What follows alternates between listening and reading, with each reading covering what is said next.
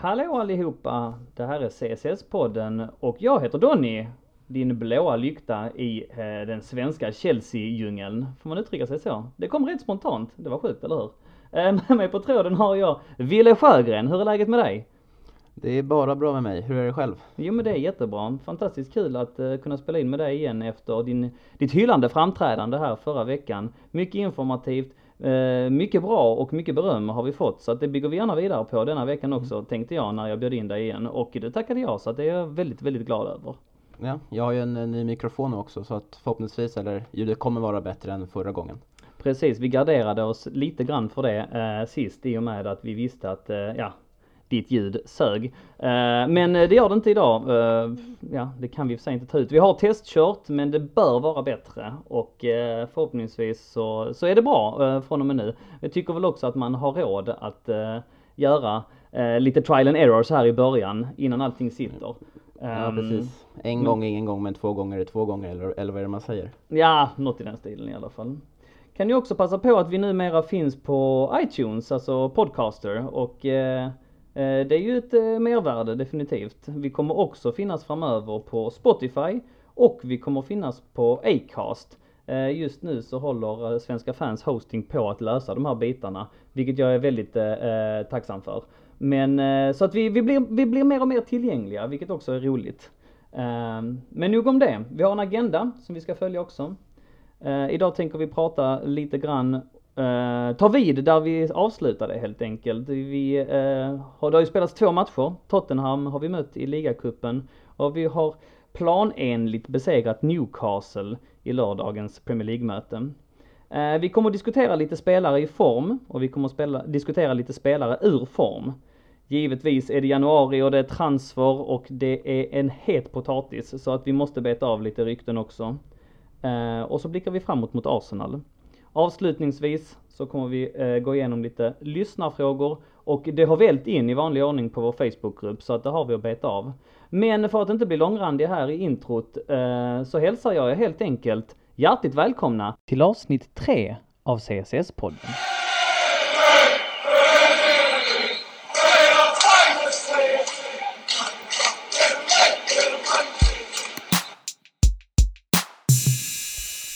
Bra, kul! Då var vi igång. Tottenham, det blev ett eh, snöpligt nederlag. Det var inte det vi hade hoppats på. En 1-0 förlust. VAR kom Nej, emellan. Uh, ja, beskriv uh, dina intryck från den matchen. Jag tycker överlag att vi gjorde en bra match. och kanske inte att vi, eller jag, jag, tycker att vi hade lägen nog för att kunna vinna matchen och jag tycker vi hade lärt oss vår läxa sen vi förlorade mot Tottenham med 3-1 där i slutet av november tyckte att vi hanterade deras offensiv mycket bättre och eh, vi hade väl två, två skott i stolpen också från eh, Kanté ena och eh, var det Barkley som sköt det andra? Mm, var det va? Och eh, sen, eh, ja, alltså själva Sarri där lyste lite, lyste lite med sin eh, frånvaro. Men, eh, och vi blev lite för, vi, jag tyckte att Hazard gjorde lite för mycket själv och fick inte den hjälp han behövde hela tiden. Mm. Och eh, även kul också, vi sa ju det i förra podden också, att vi trodde på Hudson Odoi från start och eh, han startade och eh, gjorde en bra match där, framförallt i första halvlek. Såg eh, riktigt het ut där ute mot, eh, på högerkanten mot Danny Rose i Tottenham. Så väldigt snöplig förlust. Tur att det är en match till mot Tottenham här snart så vi får ta en snabb revansch. Ja och, och eh, Tottenham som ehm, Fick en del skador i gårdagens match också. Det är lite oklart hur det är med Harry Kane och så vidare. Men väldigt skadedrabbat på mitten. Så att eh, det är absolut ingen omöjlig uppgift att eh, ta dem på hemmaplan. Men ändå lite irriterande. Om man kollar statistiken här så vann vi bollinnehavet med nästan 60-40. Vi vann skotten med 17-6. Vi vann skotten på mål med 5-4 förvisso. Men eh, all statistik pekade på att vi var det bättre laget. Och eh, förbannat tråkigt att vi inte fick in bolluslingen. Um, ja, förhoppningsvis jämnar det ut sig över två matcher men jag tycker det faktiskt det har varit rätt mycket stolpe ut för oss. Det är inte bara det att jag är Chelsea-supporter mm. men det, det, har faktiskt rent objektivt sett har vi haft marginalerna mot oss. Och just det att de gör mål på ett eh, förbannat eh, var, eh, en förbannad VAR-incident som eh, inte går vår väg. Eh, Nej precis. Var ju väldigt irriterande också. Ja den situationen var sjukt oklar för att eh, de, eller man, alltså enligt tv-bilderna under matchen så fick man bara se det från en vinkel.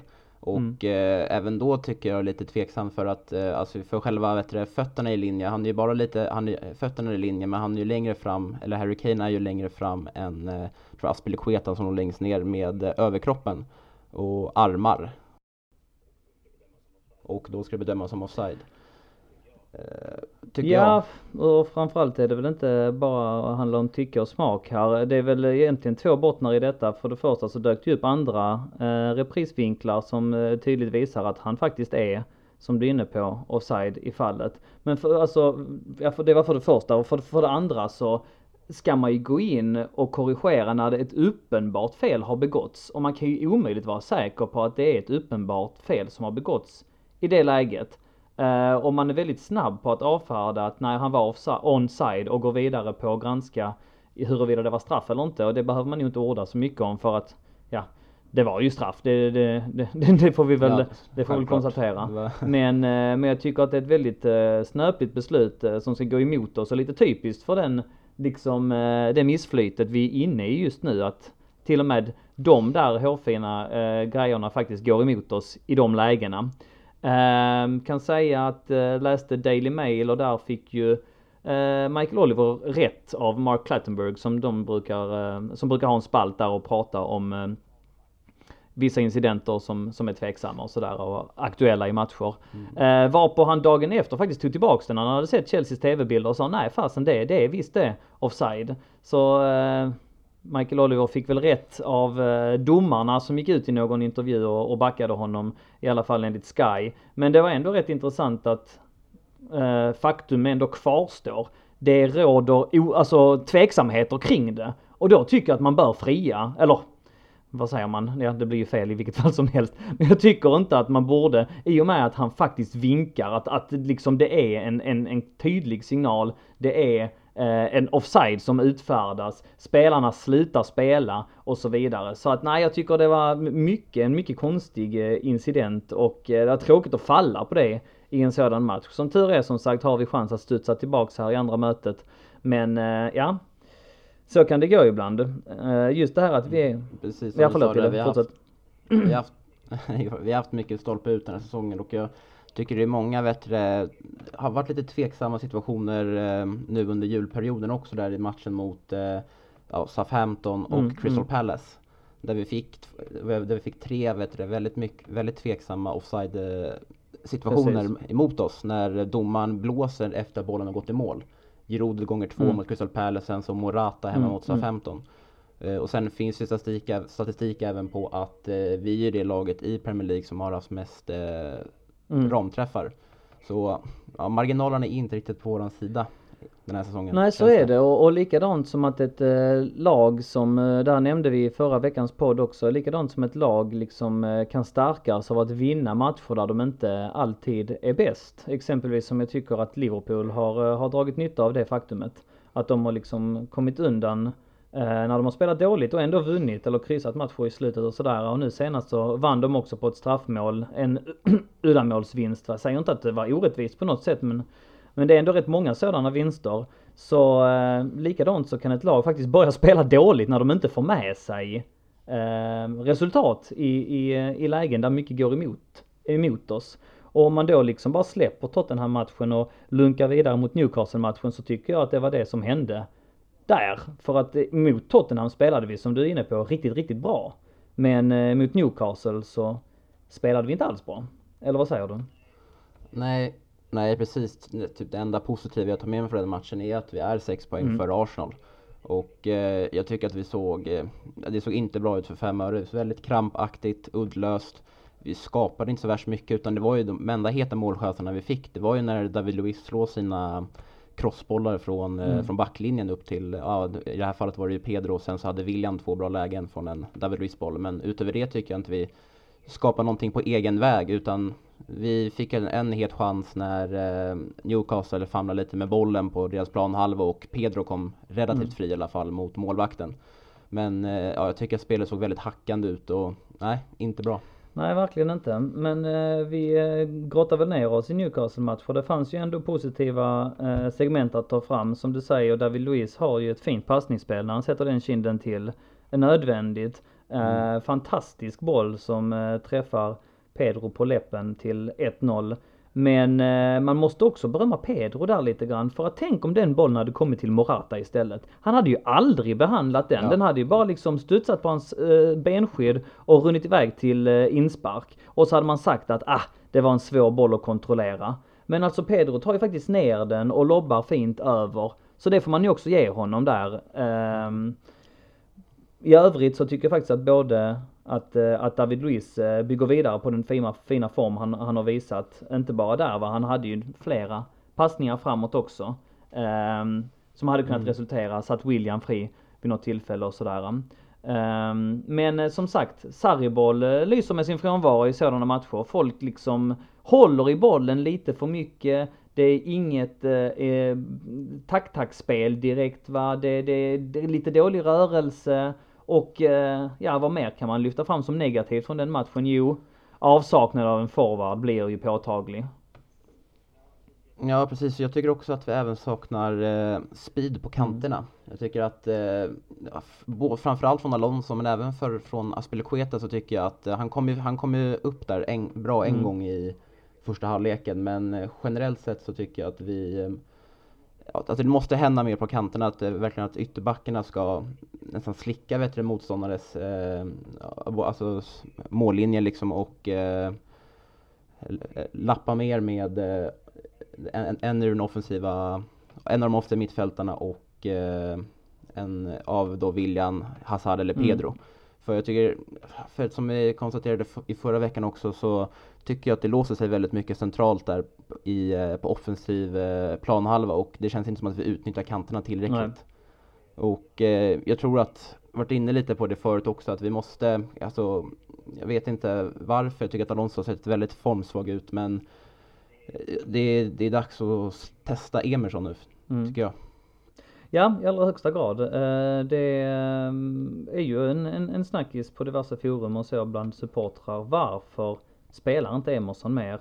Eh, jag har ju ändå försvarat Alonso ganska mycket och tycker att eh, kanske inte varit sådär jätteimponerad av Emerson som, eh, som många andra har varit när han har fått chansen. Men nu eh, har jag ju slut på argument, eh, framförallt efter Newcastle-matchen där jag tyckte att Alonso var rent ut sagt dålig. Han eh, sprang fel, Mm. han tog inte sin position bakåt. Han eh, eh, spelar bort varenda boll han får i princip.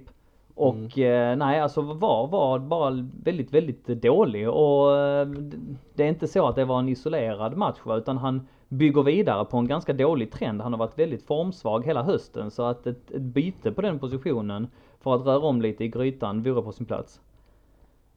Ja precis och eh, det var ju en situation där också mot Newcastle han slår bort bollen och, eh, och struntade i att ta hem Mm. jobbet och eh, då klippte ju, vet du, det, eller då visade ju de, alltså bildproducenterna visade ju Sarri då som började gestikulera vilt då mot Alonso, typ som här, men vad håller du på med liksom? Mm.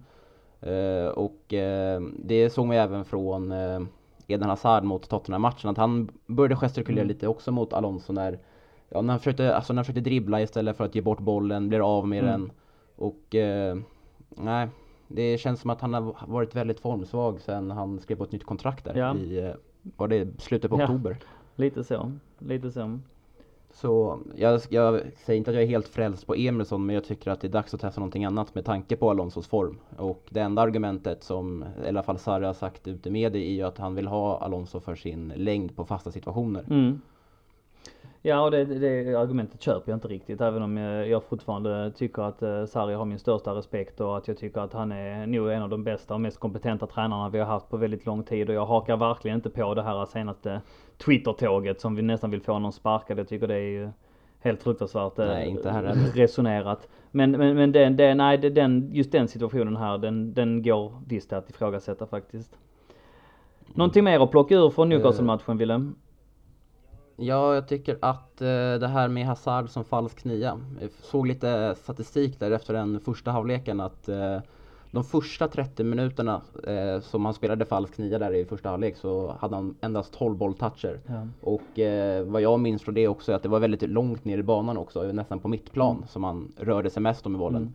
Men sen sista kvarten då han blev utflyttad lite på en kant och det var Pedro som, eh, eller William som gick in och tog över falsk nia. Då hade han hela 17 touch på bara 15 minuter. Mm.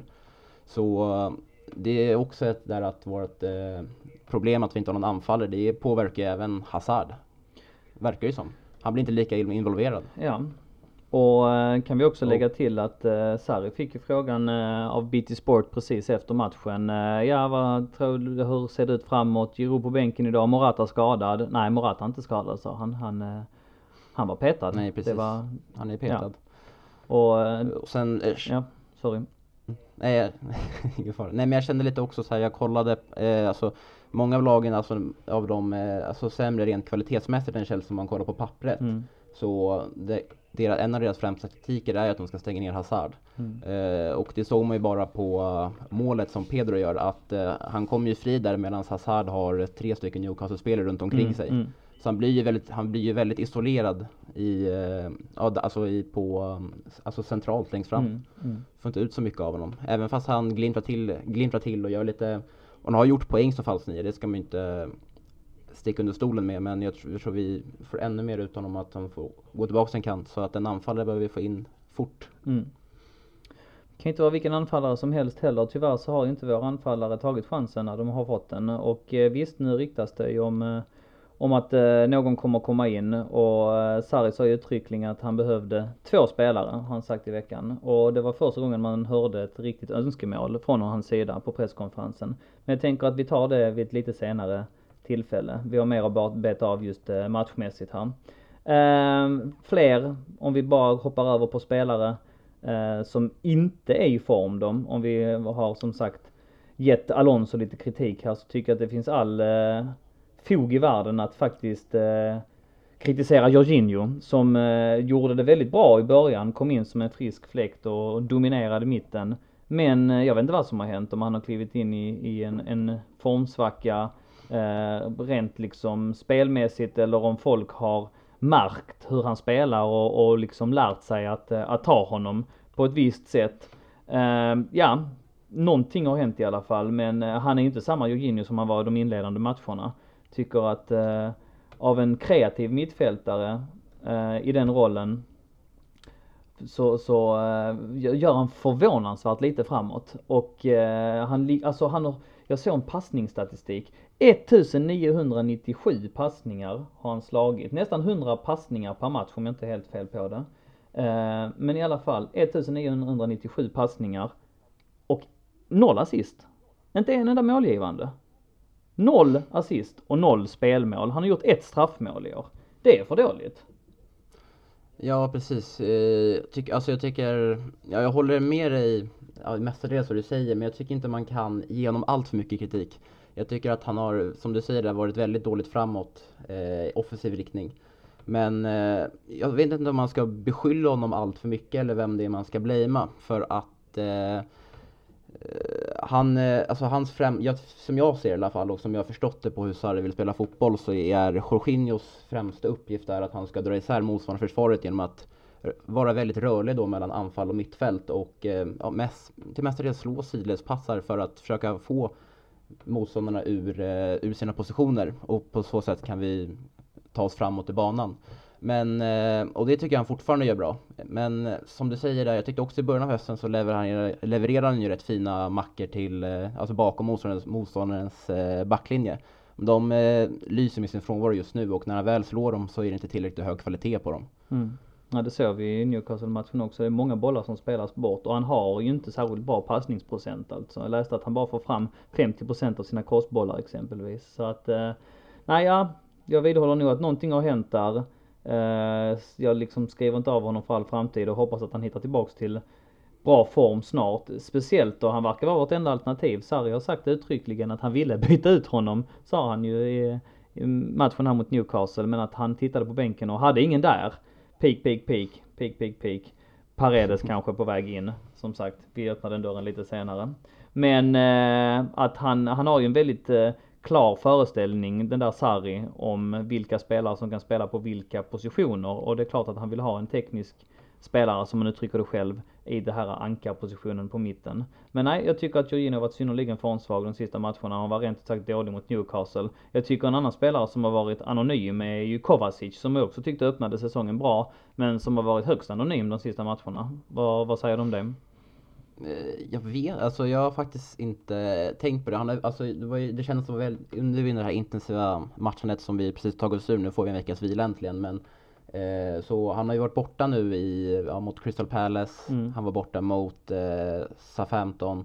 Och han var borta mot eh, Nottingham på grund av sjukdom. Mm, mm. Eh, så jag vet, alltså i Newcastle-matchen tyckte han gjorde så en, ja, men en icke-insats. Alltså, mm. Tyckte inte han var dålig, han var inte bra heller liksom. Utan han var, ja, han, han stack inte ut.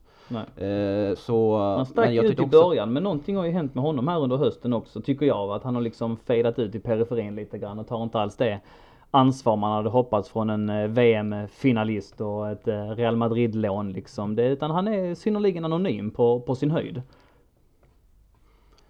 Ja, eh, jag tycker ändå att, alltså, nej, som, jag, som jag sa lite tidigare så jag eh, minns, alltså, eller han har varit borta så mycket nu så jag minns, alltså han spelade ju senast, innan den här matchen så var senast han spelade från start var ju mot Watford och då har jag ändå minne av att jag tyckte han gjorde en bra match på mittfältet, i alla fall första halvlek när han assisterar, när han bryter, bryter Watford där i sitt uppspel och assisterar Hazard till 1-0. Mm, mm. eh, men eh, han, alltså han kan falla ur lite väl ur matcher lite allt för ofta. Men eh, jag tycker ändå att han, han spelar ju till, till vänster där på, på, offensiv, på, på, eller på mittfältpositionen och eh, jag tycker ändå att när han och, när, när Hazard var ute till vänster och eh, Kovacic spelade så tycker jag att de hade ett väldigt bra samspel. Mm. Uh, alltså, så jag, jag vet inte. Kanske inte rätt ur form skulle jag nog inte vilja påstå. Jag tror han bara ha, varit lite sjuk och sen kom han tillbaks nu. Och eh, kanske inte var helt redo för att starta Problemet är väl att eh, Barkley har inte heller rosat marknaden sådär jättemycket de senaste matcherna här när han har, eh, när han har fått chansen. Men eh, ja, det återstår väl att se hur vi ställer upp mot Arsenal till helgen. spelare som du tycker har gjort bra ifrån sig de, de sista två matcherna eller om vi, om vi tar Newcastle-matchen främst? Ja, det är väl den enda som, som jag tycker sticker ut, det är ju David Luiz. Om man mm. ser till Newcastle-matchen. Jag tyckte ändå att han, han gjorde två missbedömningar där som ett som ledde till eh, Jose Perez friläge där rätt, ja, rätt eh, direkt efter vår eh, 1-0, eller när vi tog 1-0 där. Mm. Och sen så mm. går han ju, han missar ju lite där på, på hörnan också. Men om man, som sen som Newcastle gör mål på. Men mm. överlag så tycker jag att alltså de här eh, de här bollarna som han lägger bakom motståndarnas backlinje, de, är, de går inte att blunda för. Och, eh, och som vi konstaterade förra veckan så han erbjuder ju någonting mer än våra andra backar. Mm. ja, nej för att jag är inte heller riktigt säker på att jag kör på ditt resonemang här, även om det var väldigt intressant. Uh, just om att Jorginhos jobb ska vara att spela så mycket i sidled och dra isär backlinjen på det sättet. Va? Jag tycker att när Fabregas har kommit in här, speciellt i sista sista matcherna innan han uh, fick gå så la han väldigt många bollar framåt och det kan man nog kräva av, en, av, av ett mittfält, uh, ett innermittfält med tre stycken liksom eh, ändå hyfsat passningsskickliga eh, karar där va. Och det är synd att eh, vi måste liksom förlita oss på backlinjen och slå de där, mm. de där bollarna för att det, det, det ska mycket väl kunna komma från mitten också. Nu är det ju Louise eh, högerfot som står bakom och vi har nämnt det i förra podden också. Det är ju nu har vi ingen statistik, eller jag har ingen statistik på det i alla fall, men det är oroväckande många anfall han ligger bakom och det är oroväckande få anfall och mål som kommer från, eh, från den här mittfältstrion. Det är som sagt mm. Kante som har skeppat in två, tre bollar någonting men, men mycket mer än så har det inte blivit och ja, det är lite men... synd. Det, mm. Jag tror angående det där Jorginho och Fabregas fallet är, vad, är att jag tror att Sarri ser ändå de två som helt olika spelartyper. Jag tror inte att Sarri förväntar sig att egentligen att Jorginho ska lägga de här mackorna som, eh, som Fabregas kan göra. För om man kollade lite på när varje gång Fabregas blev inbytt var ju nästan att vi alltid låg i, eh, när vi har legat antingen spelat oavgjort eller när vi har legat under så har han gjort ett rakt byte med Fabregas och Jorginho. Eh, Jorginho ut, Fabregas in. Och då har man ju mm. sett att de här bollarna har kommit från Fabregas hela tiden som inte har kommit från Jorginho. Så jag tror mm. lite då att det är Sarris desperata försök till att eh, jaga mål när Fabregas kommer in istället för Jorginho. Jo så är det ju. Så är det ju garanterat. Men ehm, ja, nej, passningarna, de, de målgivande i alla fall uteblir från mitten och eh, jag ser det som ett problem.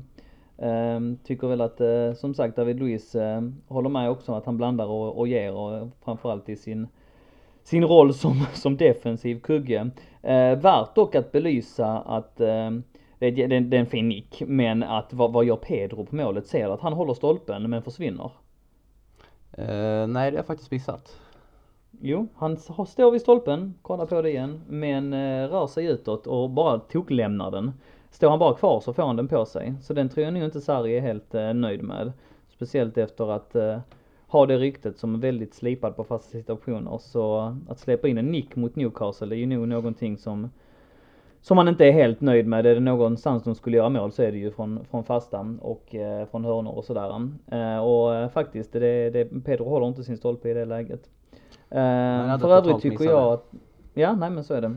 Ehm, för övrigt tycker jag faktiskt att eh, Aspilicueta har, har spelat upp sig här i hösten också. Jag tycker att eh, Rudiger har varit eh, en klippa längst bak.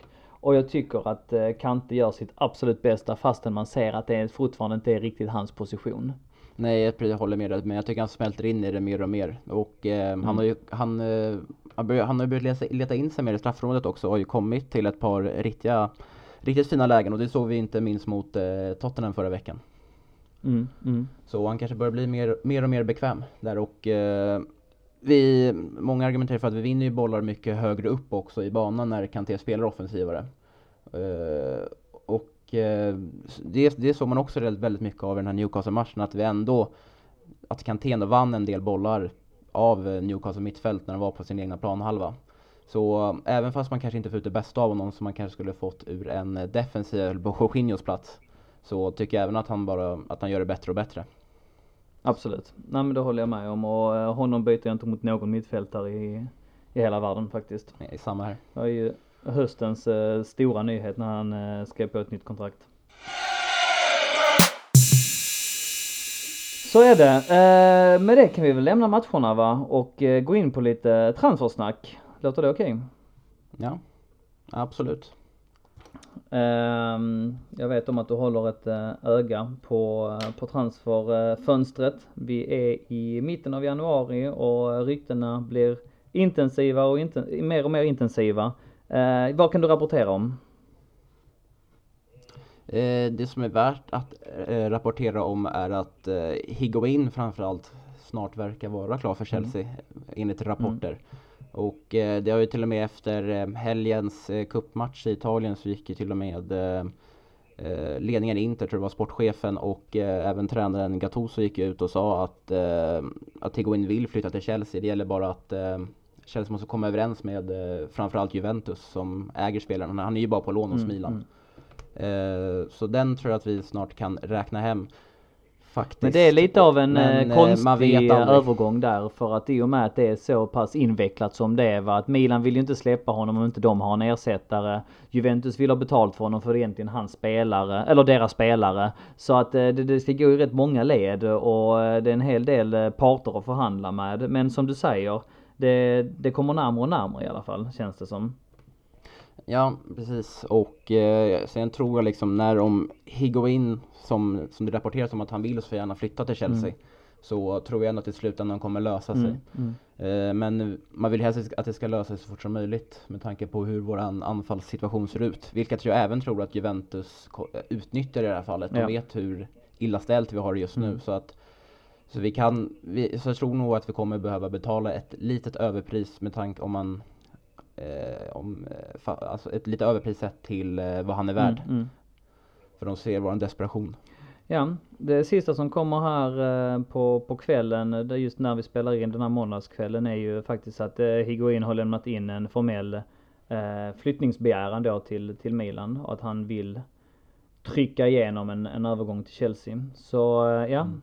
Vi får väl se var, var det slutar. Mm. Det är lite eh, tror... motstridiga uppgifter också angående prislappen. Jag har läst allt från 30 miljoner pund upp till 50-55 miljoner pund.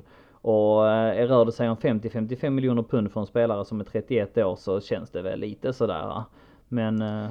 Ja precis, och det är ju tanke på, eller man måste ju också hur Chelsea kommer agera också då med att de har den här äh, regeln att de signar bara spelare över 30 år på ett års kontrakt. Ja precis, så det blir intressant. Eh, och man kan ju inte betala 50 millar för någon som kommer sitta, eller som, som bara kommer bli erbjuden, erbjuden ett år i klubben. Nej. Så, ja. Men jag tror ändå att det kan vara en bra värvning äh, på, på, på kort sikt. För han är, han, han är ju bekväm med eh, Sarris spel. Mm. Hade ju honom i Napoli där säsongen 15-16 tror jag det var, mm. när han öste in mål. Så att jag tror att han kommer kunna anpassa sig väldigt snabbt till Chelsea. Mm. Och de som eh, menar att, eh, Erik Niva bland andra, som menar att han, att han är en nästan anfallare. Som är liksom snäppet under den här världseliten. Håller du med dem?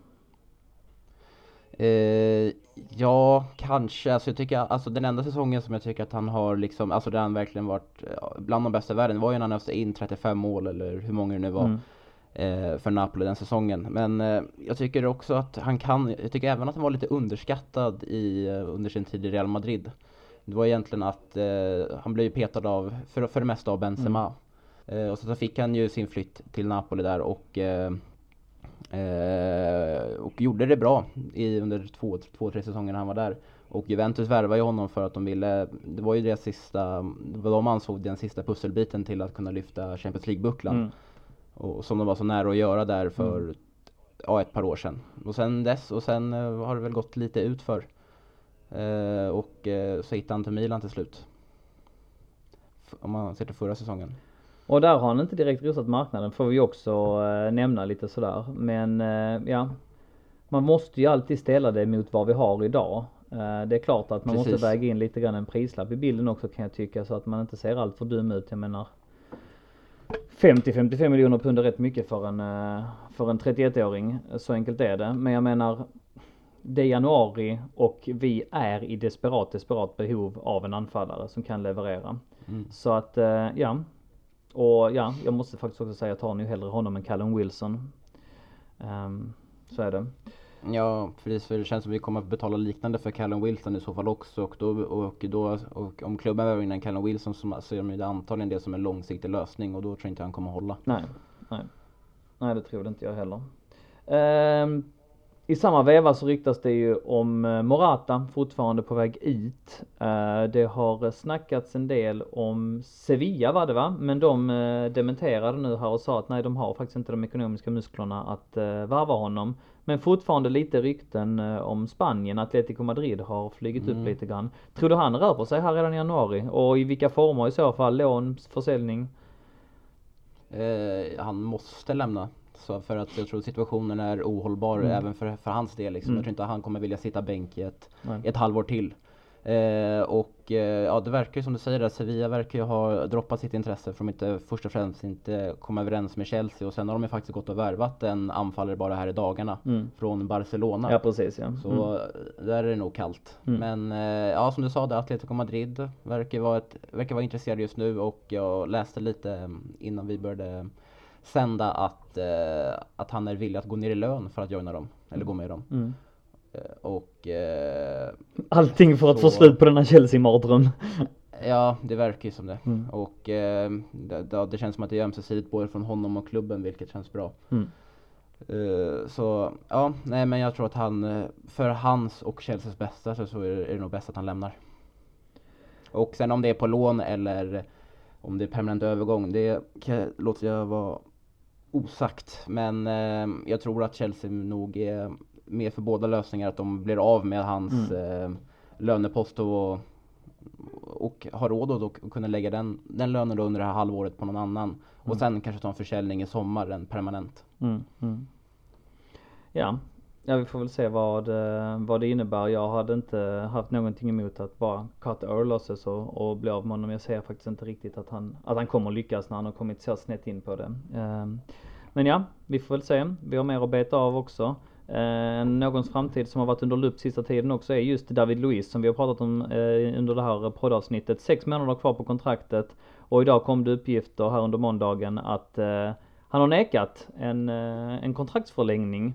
Uppgifter som slogs tillbaks här på kvällen eh, när hans agent gick ut i eh, media och berättade att nej Eh, det, det stämmer inte, säger han. Att eh, vi är i eh, förhandlingar med Chelsea och eh, we're trying to work out a deal for David Luiz uh, because he wants to stay. Uh, the manager wants him to stay and so does the club. I'm sure something will be worked out. Så jag nämnde det i förra podden också att jag tycker att det är viktigt att knyta till sig de här uh, du nämnde att just hans karaktär säkert lyfter omklädningsrummet och det är också en variabel att att uh, ha med i beräkningen på någon nivå. Så att ja, det, det hoppas vi på att uh, det löser sig. Det är den här dumma ettårspolicyn som förmodligen spökar igen men mm. vi hoppas att David Luiz skriver på och stannar. Ehm, förhoppningsvis kan vi få det sorted här redan i januari. Ja, vad, ja, vad tycker du? Borde vara av högsta prioritet. Eller mm. inte högsta prioritet men det borde ligga väldigt högt upp på listan att, att förlänga med honom. Mm. Mm. För tanke på också, också den, vet du, också med den formen han besitter just nu och hur han har presterat så, så, har, så har han gjort sig förtjänt av ett nytt kontrakt också.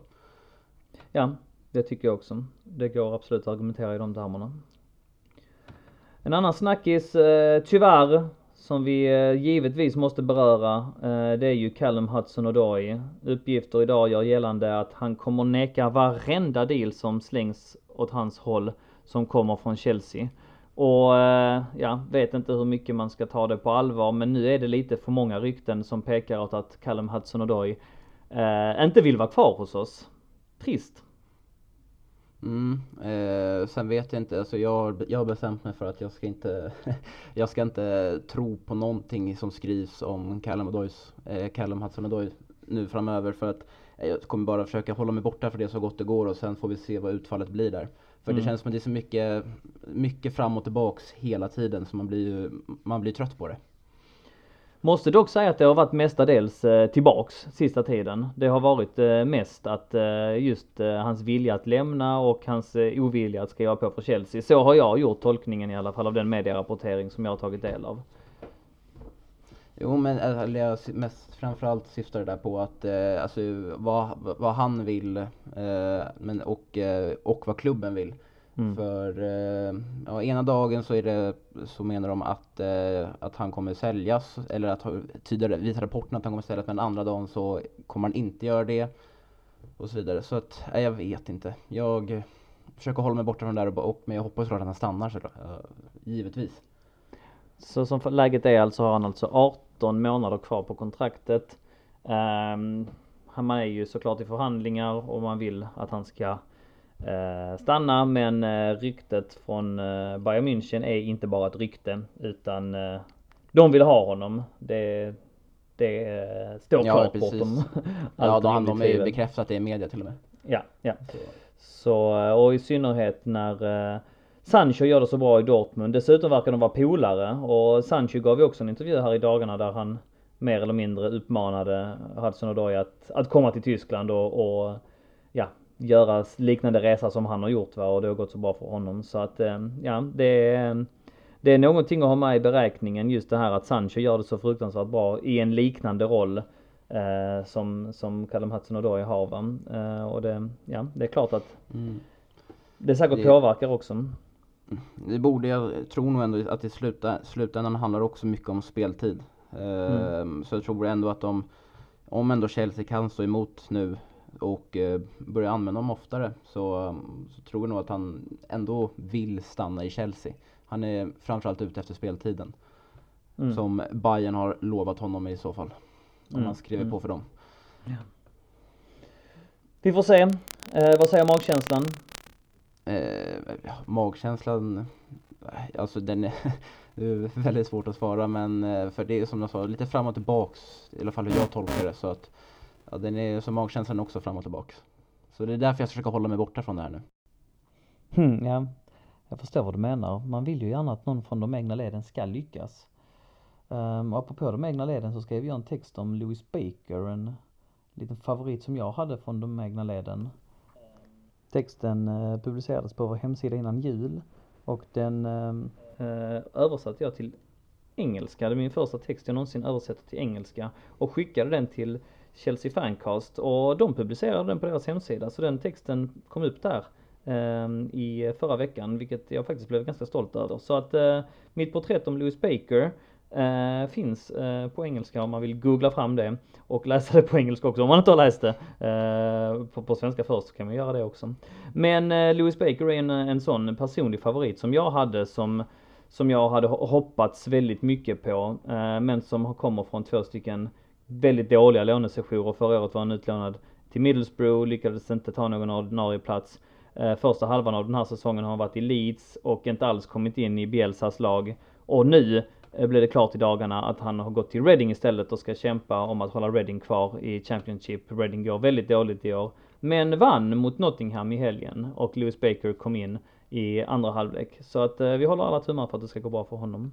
Det är alltid roligt med de här Chelsea-grabbarna som man har följt lite grann från, från akademin och, och ja, man vill dem väl. Men eh, ja, det är en tuff bransch och det är små marginaler på toppen. Så kan man väl sammanfatta det hela. Två spelare in har Sarri sagt att han vill ha. Vi har eh, nä nästan har du utlovat här i denna podd att Higuain kommer komma in. Eh, men vem är den andra då? Det är ju Zenits mittfältare Paredes som eh, mm. verkar Ja, jag vill inte säga att han verkar vara klar men som verkar vara på god gång i alla fall till Chelsea. Och mm. eh, det Ja, det är väl intressant kan man väl tycka. För jag, alltså jag har ju aldrig riktigt sett honom spela men jag har ju kollat, nu när han har ryktats väldigt intensivt i Chelsea så har jag ju kollat lite klipp. Och eh, ja, och av dem att döma liksom så tycker jag att det ser ut som en mycket intressant spelare. Verkar ha bra mm. spelförståelse, jobbar väldigt hårt och eh, ser ut att vara vass på fasta situationer. Eh, mm. Sen kollade jag upp honom lite också. Fin fot. Ja, väldigt fin fot. Eh, tänkte lite att det här kanske det ser ut som en liten blandning av eh, Ja, det är Kantés speed, Fabregas passningar och eh, på mm. Jorginhos position nästan. Så att eh, mm. om man mm. får ta lite egenskaper av spelare som vi, som vi redan har i truppen. Men mm. jag kollade på Scored som jag gillar mycket, de som samlar statistik från alla matcher. Och eh, han har ju mm. en statistik på 7,44 där. Vilket är näst bäst i mm. ryska ligan så han har ju onekligen gjort väldigt bra. Mm. Um, och eh, som sagt inom mittfältare och det är ju en spelare som ska gå in då och konkurrera med Jorginho främst mm. då, eller?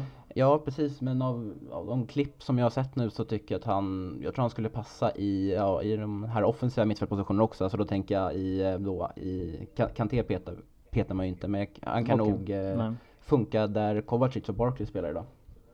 Okay, Utan problem. Okay. Mm. Ja. Som sagt, jag har, inte, jag har aldrig sett honom spela en hel match liksom, men jag har kollat lite klipp.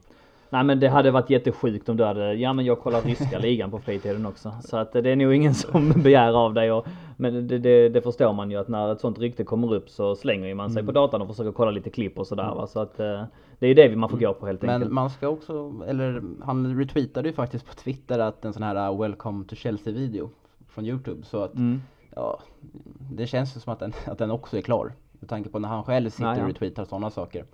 Så ja, den kan vi nog börja räkna hem. Och för det var ju, ja, när vi pratade förra veckan så snackade vi lite om eh, Nicola Barella i, Barella, i, i Cagliari. Mm. Eh, men där mm. verkar det vara helt off. Utan det verkar vara som att det är Paredes mm. som man verkar gå för. Mm. Nej det, det ryktet har uh, tonat ut lite grann de sista mm. dagarna. Det är just det som är det farliga här med att spela in podden måndag så hör man eh, detta kanske på en torsdag eh, och då, då kanske det, alltså det, det vänder ja, snabbt. Kanske, det är då kanske ett, som är kvar och Paredes är i Ja men precis, det är, mycket kan hända på några dagar och man kan se bra dum ut när man, ja men nu är det klart och sen så får det en annan vändning. Det är någon agent som inte får betalt eller någonting och så bara rinner det ut i sanden. Men så är det. Eh, andra som eventuellt kan lura där i vassen, rykten som är värda att nämna. Eh, ja, det är väl att eh, Mitch Batshuayi snart, eller verkar skriva på för Monaco på lån säsongen ut. Mm. Eh, mm. Det är väl det som är värt att nämna. Det är väl det som har hänt för det mesta de senaste dagarna. Annars är det ingenting som är så speciellt seriöst utan jag tror ändå att man kommer nöja sig med, nöja sig med att uh, få in en ersättare till Fabregas som kanske blir ändå en höjning mm. på laget. Det vet man ju inte. Och sen mm. få in en striker. Sen tror jag att man kommer vara nöjd. Kanon! Uh, där så går vi över på lite lyssnarfrågor. Uh, ska trycka upp mitt, uh, min, uh, min Facebook-sida på datorn. Och som sagt, det har eh, lut en blänkare lite tidigare under dagen och det har kommit väldigt många och väldigt eh, intressanta frågor. Ehm, kan börja med att adressera Kim Gustafsson. Skulle vilja höra era åsikter om varför Chelsea har så svårt att släppa fram egna produkter. Ehm, känns som att de få egna talangerna som lyckas ta sig upp inte får någon ärlig chans och, och det leder allt för ofta till att klubben säljer dem. Vad anser eh, ni om detta faktum och att man har då eh, 30 till 40 spelade, spelare utlånade? Eh, ja, jag bollar över den på dig. Eh, ja, angående det sista att vi har 30 till eh, 40 utlånade spelare. Det är ju liksom, det är en, en affärsgrej som ändå Chelsea har, att de värvar spelare som de inte tror ens kommer slå sig in i eh, Chelsea utan de vill bara göra en ekonomisk vinst Vilket på dem. eh, också Så, ur, den, ur den modellen har visat sig vara lönsam. Får, får vi faktiskt understryka. Precis. Så eh, att vi har 30-40 sp- utlånade spelare tycker inte man ska eh, oroa sig någonting alls över för, eh, över för att eh, som sagt det är bara en, ja det handlar om ekonomin, det är affärer. Men sen att eh, våra egna talanger inte får tillräckligt mycket speltid eller inte får chansen i A-laget. Det är, jag tror mycket att det mycket handlar om att eh, som fotbollen ser ut idag också med att jag tror att man hellre ser kort eller att man hellre ser lösningar i att man värvar spelare för väldigt dyra pengar istället för att ha tålamodet att eh, ge sina eh, si, si, si, sina egna talanger Mm. chansen. Ehm, och sen också, tror jag också har lite med att Chelsea, eh, de har ju bytt tränare rätt ofta på senaste tiden och eh, det kan ju även vara så att de har väldigt hårda och eh, höga krav på sig att eh, nå resultat. Och då kanske de inte vågar använda talangerna i lika stor utsträckning. Om man till exempel kanske ska ta Tottenham som ett exempel som ändå har mycket egenproducerat i startelvan så har ju ändå Pochettino haft väldigt mycket tid att eh, kunna spela in dem. Och han har fått ett eh, han har, han har ju fått eh, en, ma- en, ma- en massa tid av klubbledningen liksom. Så eh, jag tror ändå att eh, alltså branschen är också så re- resultatdriven att eh, tränare inte oft alltid ges den här eh, eh, ges tiden att utveckla spelare utan de vill ha, utan ledningen vill ha resultat direkt och då såklart att de kör kanske oftast en viljan framför Callum Hudson-Odoi för att med tanke på att han har mer rutin och erfarenhet. Varför Ja, nej jag, jag, jag tycker det är en intressant diskussion för att den ploppar upp lite här och var och jag hör ju allt du säger och tycker att det är väldigt vettiga åsikter. Sen så tycker jag ju inte att eh, Eh, jag tycker att den här diskussionen blir överdriven eh, och, och det är väldigt många som skriker på de här, vi måste spela ynglingarna, vi måste spela ynglingarna och när vi gör, väl gör det så brukar de inte ta chansen ifall det ska vara helt helt allvarlig. Och eh, vi kan kolla på lite av de ynglingarna som har fått chansen i Chelsea, har fått lite speltid och sen gått vidare. Det är ju inte många av dem som har lyckats särskilt bra på, på an, annat håll och då säger folk Kevin De Bruyne, ja men han räknas ju inte till den skaran, han kom ju som etablerad till oss, han kom ju inte från vår, vårt akademilag. Alltså vi, om vi kollar på de unga spelarna som har kommit från akademin, typ Van Anholt, eh, Nathan Ake, Nathaniel Chaloba, Josh McEachran, vi hade en nu i, i, i, eh, i helgen, Ola Aina. Ingen av dem vill jag ha tillbaks ifall jag ska vara ärlig. De, de jag kommer få liksom hyfsade karriärer i eh, hyfsade lag men det kommer inte vara några spelare som hade gått in i ett titelaspirerande Chelsea. Och eh, det är ingen av dem som jag, som jag gråter blod över. Och dessutom fick de chanser hos oss i synnerhet eh, det, det- det här året också va, tycker jag också att Ruben Loftus-Cheek har fått ganska många chanser att spela en 18-årig Callum Hudson-Odoi han, han har fått en hel del chanser också tycker jag och han har gjort det bra. Jag hoppas verkligen att vi, vi håller kvar i honom så missförstå mig rätt. Men jag tycker inte det, det, jag tycker det är lite sanning med modifikation att man skulle liksom hämma talangutvecklingen så något fruktansvärt i Chelsea. För i så fall så hade man ju gråtit blod över spelare som hade haft fantastiska karriärer i andra klubbar och så är inte riktigt fallet. Nej, jag vet inte vad det är som är eh, problemet, varför. För jag håller med allt det du säger, de spelare du nämnde upp där är inga som man vill, eller som man tror kommer komma tillbaka till Chelsea och göra Nej. skillnad. Men för det känns ju som att vi, vi rensar ju, rensar ju allt, alltså på alla ungdomsturnéer, alltså alla ungdomstroféer har ju Chelsea nästan prenumererat på de senaste mm, åren. mm. Och eh, så um, det verkar som att klubben generellt har problem med att uh, få sina talanger att ta det här sista steget. Absolut, från, men det tycker jag är en, en annan uh, diskussion. Med, uh, och, och den, den diskussionen är snarare intressant. Vad är det som händer med, med spelare där va? Och finns det någon, alltså slits de ut eller blir det pressen för stor eller, och ja, det, det, den diskussionen öppnar jag gärna och, och Eh, Eh, välkomnar forskning i. Men, eh, men det händer ju på fler ställen än, än, än Chelsea att, att svår, folk har svårt. Det som är unikt för Chelsea är ju som du säger att man har haft väldigt många eh, höga placeringar i ungdomsleden med fa Cup-vinster och, och eh, ungdoms-Premier League-vinster och så vidare, Next Gen och, och, att det inte blir så mycket mer va. Och det, ja, det, är, det är jäkligt synd, så är det. Men jag tycker nog ändå att de ofta får chansen. Sen är det upp till spelarna att, att ta vara på den också.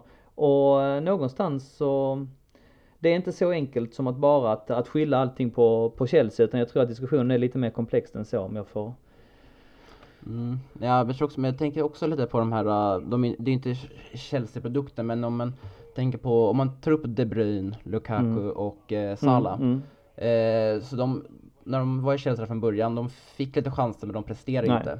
Eh, och sen så fick de sin eh, fotbollsbildning någon annanstans mm. efter och då tog de det här slutgiltiga mm. steget för att bli så bra som de till slut mm. blev.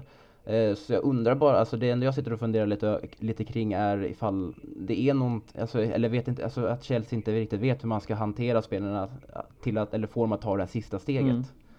Det är mest det som jag Absolut, och det, det kan nog gå hand i hand där. Sen så vill ju inte jag ha tillbaks Lukaku. Jag tycker inte han är sådär uh, har, gjort det så jättebra i, i, i United. Uh, nej nej absolut Gillar inte hans men, attityd han heller. Det jäkligt bra Det gjorde han, absolut, absolut. Men uh, jag tycker ju framförallt att det blir påtagligt till Kevin De Bruyne och Mohamed Salah. Men ja, Undrar om inte det hade med tränarna i fråga att göra. Ja, som sagt, man kan gå in, den här diskussionen kan bli hur djup och, och hur eh, komplex som helst. Va? Så vi, får nu släppa det där att vi, vi har diskuterat lite kring det. Vi konstaterar att, eh, ja, det är lite synd att det blir så. Vi sätter våra förhoppningar till de talangerna vi har just nu va. Att vi hoppas att Ruben Loftus-Cheek eh, kommer tillbaks illa kvickt från sin skada och fortsätter vara en hyfsat tongivande spelare som jag ändå tycker att han har varit här i, i höst. Eh, och så hoppas vi att Callum Hudson-Odoi eh, kritar på nytt och får en fin Chelsea-karriär. Vi hoppas väl att vi kan hålla kvar Kristensen också eh, i någon form av roll va. Det är väl lite det vi får hoppas på, att vi fyller på med lite ynglingar. Eh, kan vara rena tillfälligheter också, men jag tror inte vi blir, blir, så mycket klokare här och nu i alla fall, utan får beta av lite fler frågor. Eh, Henrik Auvinen eh, frågar Eh, roligt med Henrik, han är ofta engagerad här i de här eh, sammanhangen. Eh, han frågar en väldigt relevant fråga. Vad tror ni om Zuma? Han gjorde ju mål här mot, oh nu glömde vilka de föll bort, men för Everton i helgen. Bournemouth. Bournemouth var det ja. En snygg nick. Eh, vad tror ni om Zuma? frågar Henrik. Har han gjort sitt i klubben eller får han eh, någon mer chans? Jag tar gärna vid där. Det måste, vi, när vi pratar om Zuma så måste vi komma ihåg att han kommer, eh, han gjorde det jättebra eh, 2015. Han var väldigt bra som defensiv mittfältare i en ligacupmatch när vi vann mot Tottenham. Eh, ligacupfinalen som jag faktiskt var på. Ehm, men sen så hände det någonting eh, 2016 har jag för mig att det var, utan att eh, ha det framför mig nu. När han fick sin, sin knäskada, eh, en ligamentskada som höll honom borta i nästan ett år. Ehm, och man måste ha klart för sig att de, den typen av knäskador är fruktansvärda. Det är väldigt, väldigt svårt att komma tillbaks, om man ens kommer tillbaks i, i full tappning. Och det är väl det jag tror har hänt med Zuma när man lånar ut honom till Stoke sen och man lånar ut honom till Everton. Att man tycker väl att han inte har nått upp till riktigt den nivån efter den skadan. Um, han spelade ju i princip varje match för Stoke förra säsongen när de åkte ut. Och gjorde väl hyfsat ifrån sig men det var inte så att han briljerade på något sätt och Stoke åkte ju ut med buller och bång. Eh, I Everton i år har han varit lite in och ut från, eh, från startelvan, petad vissa perioder. Så att det är inte så att han har heller gjort någon, något, någon wow-säsong om man säger så. Eh, förhoppningsvis kan han vända på det och, och verkligen tokdominera sista halvan här av säsongen och då har han säkert en, en plats i Chelsea. Han skrev ju på ett nytt kontrakt för inte alls allt för länge sedan och eh, är, har sin långa framtid i Chelsea. Jag för mig till och med att han skrev på ett sjuårskontrakt eller något sånt eh, sjukt. Ja, det var riktigt långt. Ja, precis. Eh, men jag gillar honom. Han eh, verkar vara en jäkligt skön kille och jag, det jag såg av honom den säsongen när han var så, så riktigt, riktigt bra. Um, och Mourinho spelade honom mycket, då var jag väldigt imponerad av honom just i hans brytningsspel. Han är relativt snabb, stark, eh, en riktigt bra mittback. Så jag hoppas, för att svara på Henriks fråga, att han har någon form av framtid hos oss. Vad säger du? Nej, jag har faktiskt ingenting mer att tillägga än vad du, mm. än vad du, redan, vad du redan har sagt mm. faktiskt. Mm. Utan ja, jag, jag gillar Zuma också, tyckte han var riktigt bra där när han fick, när han fick spela in, innan sin knäskada. Men det verkar inte som att han har fått det här uh, lyftet efter han kom tillbaka. Mm. Så uh, Nej men såklart man hoppas ju man hoppas ju allt gott och att han ska komma upp i samma nivå igen för då, för då känns det som att i alla fall han eh, Att han kan vara med och konkurrera om det i alla fall. Mm, mm. Så är det. Eh, det kommer en fråga från Albin här om Williams framtid i Chelsea. Vill du svara på den? Ja, den känns väl ganska glasklar. Han kommer i alla fall stanna nu under januari med tanke på vad som sades på presskonferensen efter matchen. Mm. Eh, Barcelona har ju, har ju, sagt att de återigen vill, vill värva William men både han själv och Sarri förnekar det mm. efter Newcastle-vinsten där så att jag tror att han kommer att stanna till 100%. Sen i sommar vet jag inte men om vi tänker nu så kommer han stanna. Vill du det? Eh, jag Nej, det vill jag inte. Jag tycker att han har gjort, han har gjort sitt i Chelsea nu faktiskt. Jag tycker att han har levererat för lite, alltså han, var, han, var ju, han har varit bra och väldigt nyttig men jag tycker att på den positionen så måste det komma fler poäng. Mm. Och, vilket är lite synd för jag tycker att alltså, han eh, glimtar ju till i eh, en match så kan han ju vara hur, hur jäkla bra som helst medan mm. han kan, sen kan han göra tre, fyra matcher, tre, fyra dåliga matcher på raken. Mm. Så att eh, det är lite signifikativt för både honom och Pedro, är det inte det? Att de, att de mm. verkligen blandar och ger. För jag tycker ändå att Pedro är mycket mer jämnare än vad William är. Mm. Och man ska inte glömma, William har ju liksom, eller Pedro har, ju, har gjort eh, fler mål den här säsongen än vad William någonsin har gjort en säsong i Chelsea. Mm. Så ja, jag tycker Pedro också var det givna valet när Conte var ligan i Chelsea. Tyckte också han var mycket bättre än William. Mm. Så jag håller ändå Pedro lite högre än William fast, när William, fast William har högre högsta nivå än vad Pedro har. Mm. Men han är alldeles för ojämn. Vi måste också adressera Arsenal lite grann eh, innan vi rundar av för idag. Eh, det finns fler frågor också men många av dem har vi betat av redan och eh, vi börjar närma oss den här heliga timmesgränsen som jag ändå vill hålla eh, våra avsnitt till ungefär. Det får gärna dra över lite grann om det är riktigt bra diskussion men det är där måttstocken ligger någonstans. Eh, Arsenal väntar i den sena lördagsmatchen. Fantastiskt roligt med London Derby. Eh, vad är förväntningarna på den matchen? Eh, jag jag har förväntningar att vi ska gå och eh, vinna den matchen faktiskt. Eh, för jag tycker att Arsenal ser eh, riktigt svaga ut, eh, eh, ut defensivt. Eh, och eh, jag tror att eh, när det är så här toppmatcher också, för jag tror inte Arsenal kommer vilja försvara sig till en eh, till ett oavgjort resultat. Mm. Så jag tror att de kommer släppa väldigt mycket på bättre, att, att, att, eller att de kommer gå framåt. Och då tror jag Chelsea kan bli riktigt farliga med Hazard i spetsen. Så jag tycker att vi ska gå, gå de alla tre poängen. Och det vore ännu skönare att kunna ja, göra, gö, göra de här sex poängen till nio också i avståndet. Precis, kan vi ta det lite kort. Liverpool leder alltså ligan just nu med 57 poäng. Manchester City spelar i detta nu. Um, vet inte hur det står där, men kan, kan säkert googla fram det lite snabbt. Eller så kan du göra det, höll jag på att säga. Men de ligger alltså just nu på, uh, på, på 50 poäng. Eh, uh, 7 poäng efter. Tottenham 48 poäng och vi ligger en poäng efter Tottenham. Så att vi har 10 poäng upp till Liverpool på en fjärde plats. Vinner vi mot Arsenal så går vi alltså upp på 50 poäng och har 9 poäng ner till Arsenal.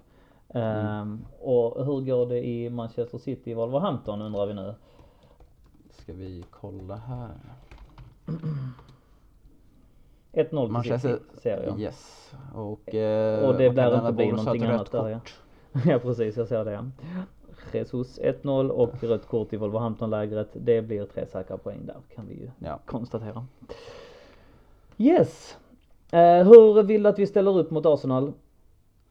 Eh, jag tycker att vi ska ställa upp som vi gjorde mot Newcastle fast jag tycker, jag, att, eller det jag tror vi kommer göra. Men eh, hade jag fått välja så hade jag velat testa en Emerson framför Alonso men jag tror inte Sarri kommer mm. riskera det mot Arsenal borta. Nej. Eh, och sen så tror jag det kommer se ut som det, ja men eh, Jorginho, Kanté, Kovacic och sen eh, William, Hazard, Pedro längst fram. Även fast jag Mm. hellre vill ha ut Hazard på en kant och Mm. ja, sk- skulle nog faktiskt hellre starta med, eh, med Giroud och eh, ha Hazard på en kant. Mm. Och i din, i din bok hade du hellre kört med Hazard och Hudson och eller hur på kanterna? Eh, ja, mm, för kanske. Jag, där är jag också lite kluven för att eh, eh, mot Arsenal så tror jag ändå att jag skulle vilja ha Hazard, Giroud och Pedro. Mm. För jag värdesätter ändå Pedro kanske lite högre än Hudson Odoi i nuläget. Även fast jag tycker att även fast Hudson Odoi är det självklara valet lite längre fram. Mm. Ja, intressant. Good stuff. Jag håller med dig. Jag hade också velat se Emerson men är inte helt säker på att vi får den. Eh, tror också vi kör med falsk nia, tyvärr. Um, och förväntar mig i så fall att Pedro och William spelar ifall de är friska. Hade gärna dock sett, sett att uh, Barkley kom in istället för Kovacic som jag faktiskt tycker har varit svag de sista, det, ja, inte de kanske, men jag tycker han har haft en svag höst. Jag vet han har inte spelat sådär jättefrekvent de sista matcherna men var byggde vidare på den svaga trenden mot Newcastle. Så uh, jag tror att uh, i en sån här match där det kanske blir lite kämpa och stångande mot kanske framförallt Xhaka, eh, Kolasinac och sånt på mitten så mm hade Barkley med sin Ja, jag upplever ändå honom som lite tyngre om du förstår vad jag menar än Kovacic. Kovacic är ingen lätt pjäs heller men eh, det är ändå en, eh, ja lite annorlunda. Nej, jag förstår Ehm, precis vad du menar. Mm. Ja, i Arsenal-läget, är det någonting att vara orolig för där? Eh, ja, alltså Aubameyang är ju, har ju, han har ju varit lite, haft, gått ner sig lite nu de senaste matcherna men han, man, Men får spela lite ur position också, får ju inte spela Mm. längst fram. Han har ju kört med Lacazette nu senast mot eh, West Ham också längst fram. ja det är ju frågan där om man, eh, om man kommer starta med Lacazette eller inte, Emery. För, eh, Mm.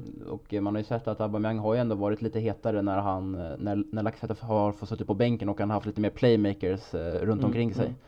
Så, eh, ja, men jag tror ändå att Arsenal, är, de känns ändå giftigare offensivt när både Lacazette och Aubameyang startar. Men, Mm. eh, nej alltså jag, mm. Men jag har mig båda två startade mot West Ham, gjorde de inte det? Jo, båda startar där- på West Ham. Ja, och där blev det inte sådär, det gick ju inte jättebra. Nej. Nej. Men jag håller med dig, det, det, det, känd, det man blir ju mer nervös när man ser att båda två startar än när man ser att en av dem är på bänken. Ja, man- man att får ju alltså, ändå sån kvalitet har de ändå när de är som bäst båda två. Ja, man får göra intrycket att de bara kommer att eh, gasa på när man ser dem båda Mm. i startelvan. Så, Mm, äh, men jag vet inte, jag tror ändå att eh, de, de kommer nog starta. Men eh, jag tror ändå att det, det är bättre att de gör det faktiskt. Än att de eh, kanske startar med en Ramsey som jag, tyck, som jag tycker är riktigt bra. För det är väl oftast han som har fått lida av att, någon av, av, av att båda de två har startat. Mm, mm. Ehm, eh, Özil håller på att göra sig ovän kan vi också nämna. Ja, han han var spelar väl- helt utanför truppen senast. Ja, de spelar väl mer tv-spel än vad de spelar fotboll. Ja, Säger ja, rapporterna. det. Ja, mm. Märkligt. Skrivit på eh, kontrakt på, vad är det, 400 000 pund i veckan eller någonting. Ja. Och sen dess så bara sket han i att spela fotboll. Mm. Så kan det gå ibland.